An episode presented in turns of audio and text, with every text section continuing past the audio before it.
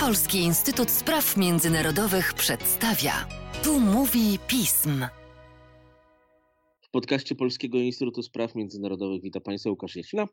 A dziś moim gościem jest nasz analityk od spraw amerykańskich, Paweł Markiewicz, autor niezwykle ciekawego biuletynu opowiadającego o tym, jak w Ameryce wracają zmory, które podobno miały zaniknąć wraz z historią, ale jak się okazuje, końca historii nie ma i przeszłość, zwłaszcza ta związana z wojną secesyjną sprzed 100, niemalże 60 lat, wraca w tym roku bardzo, bardzo mocno. Pawle, jak to się stało, że ta sprawa dzieli Amerykę po tylu, tylu latach? Że mi się wydaje, że ta historia związana z wojną secesyjną i, i okresem Konfederacji e, kontynuuje wzbudzać emocje w społeczeństwie amerykańskim, szczególnie mm, po incydentach na, na tle rasowych. E, widzieliśmy w 2014 roku na przykład Ferguson, Missouri, temat znów się pojawił, mm, a także w 2015 roku i 2017 roku po incydentach w północnej Karolinie, Virginii. Więc temat cały czas się pojawia i zdecydowanie dlatego, że nie ma jednej y, zgody y, co do y, interpretacji pamięci tego okresu wśród społeczeństwa amerykańskiego. Pawle, jak wygląda pamięć o Konfederacji? Część Ameryki uważa, że oczywiście pomijając tych ludzi, którzy w ogóle nic o historii nie wiedzą, część Ameryki uważa, że Lincoln zrobił dobrze, a część generalnie uważa, że południe miało rację. Zdecydowanie. Czy to jest y, bardzo dobre takie uproszczenie tego wszystkiego, ale, ale tak można powiedzieć. Y, w południowych Stanach, które niekiedyś należały do, do skonfederowanych Stanów, ta interpretacja bazuje się bardzo często na tym, że ten okres przedstawił pewne dziedzictwo południa w Stanach Zjednoczonych. Że okres przed wojną był unikalnym epizodem, jeżeli można to tak określić, e, w tych regionach. I, I, tak to jest często tłumaczone. Dzisiaj zwolennicy flagi e, konfederackiej e, bardzo często są osoby, które przywołują się do tego, że to jest część ich dziedzictwa, część dziedzictwa południa. Czy poza prostymi ludźmi istnieje jakiś konsensus w amerykańskich elitach politycznych co do tego, że e, w latach 60. XIX wieku nastąpiło jednak pozytywna zmiana, czy też ta kwestia nie jest już przedmiotem zgody? Mnie się wydaje, że wśród politycy często panuje mm, taka zasada, że historia jest historią i do tego nie powracamy.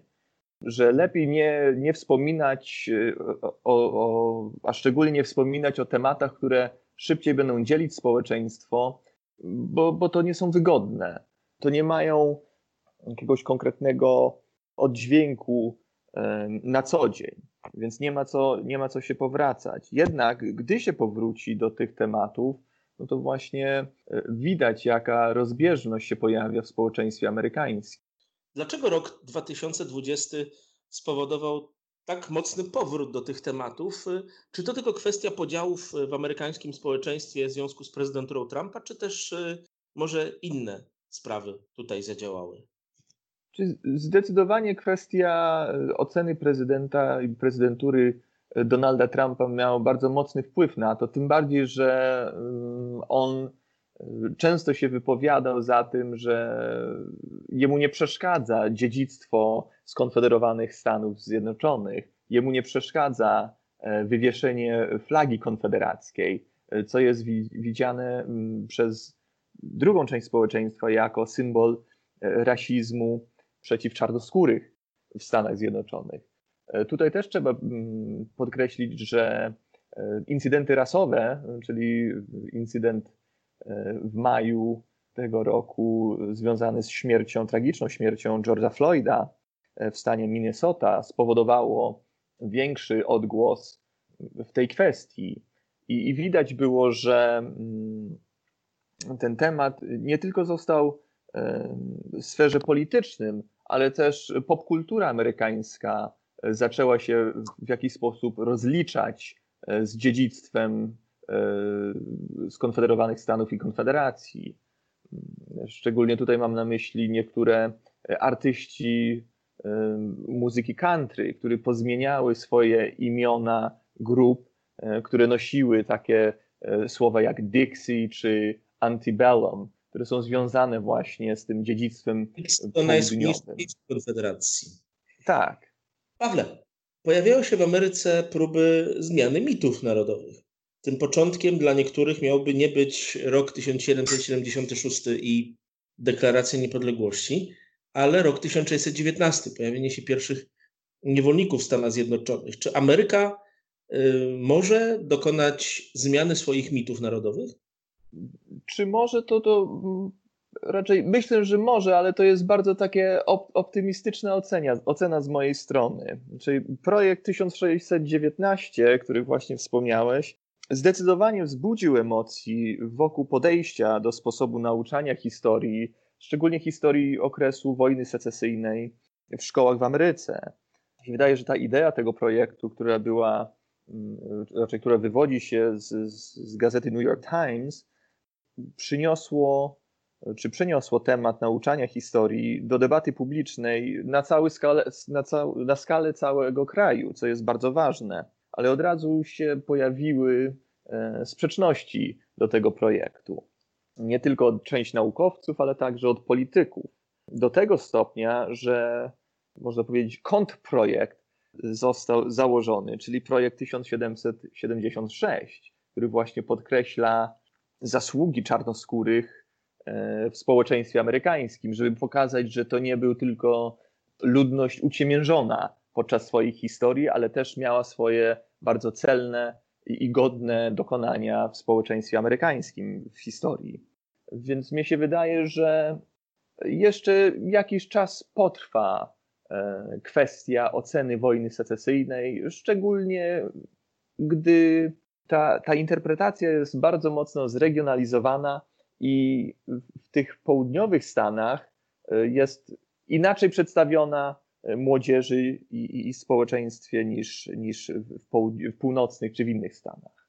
Pytanie może trochę z boku, ale przyszło mi do głowy w trakcie naszej rozmowy. Czy Donald Trump, jeżeli przedstawi się jako obrońca tradycyjnego amerykańskiego patriotyzmu, co już robił w poprzedniej mm. kampanii, i obrońca tych tradycyjnych amerykańskich wartości przed lewicowym atakiem, co też robił. Mhm. Czy to może poprawić jego szanse w listopadowych wyborach prezydenckich?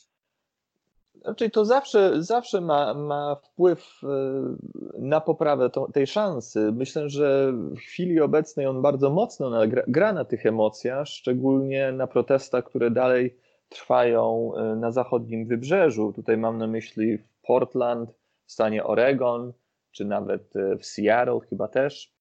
Więc tutaj mi się wydaje, właśnie widzę taki trochę podobieństwo, czy w tym, co się działo w 1968 roku, e, gdzie, gdzie społeczeństwo amerykańskie też było bardzo mocno podzielone, a ówczesny kandydat Partii Republikańskiej, Richard Nixon, bardzo mocno stawiał na to, że on będzie prezydentem e, porządku i pokoju.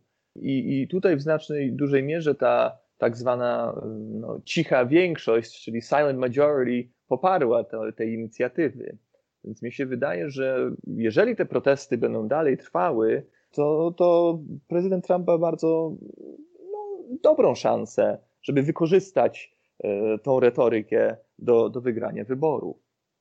Pozostaje nam życzyć Ameryce, aby jednak podejmowała dobre wybory bez względu na kwestie historyczne i aby udało się Ameryce naśladować dobre europejskie wzorce w rozliczaniu się z własną historią, a nie te gorsze. Pawle, jak zwykle wielkie dzięki i czekamy na kolejne Twoje teksty na te tematy. Dziękuję bardzo.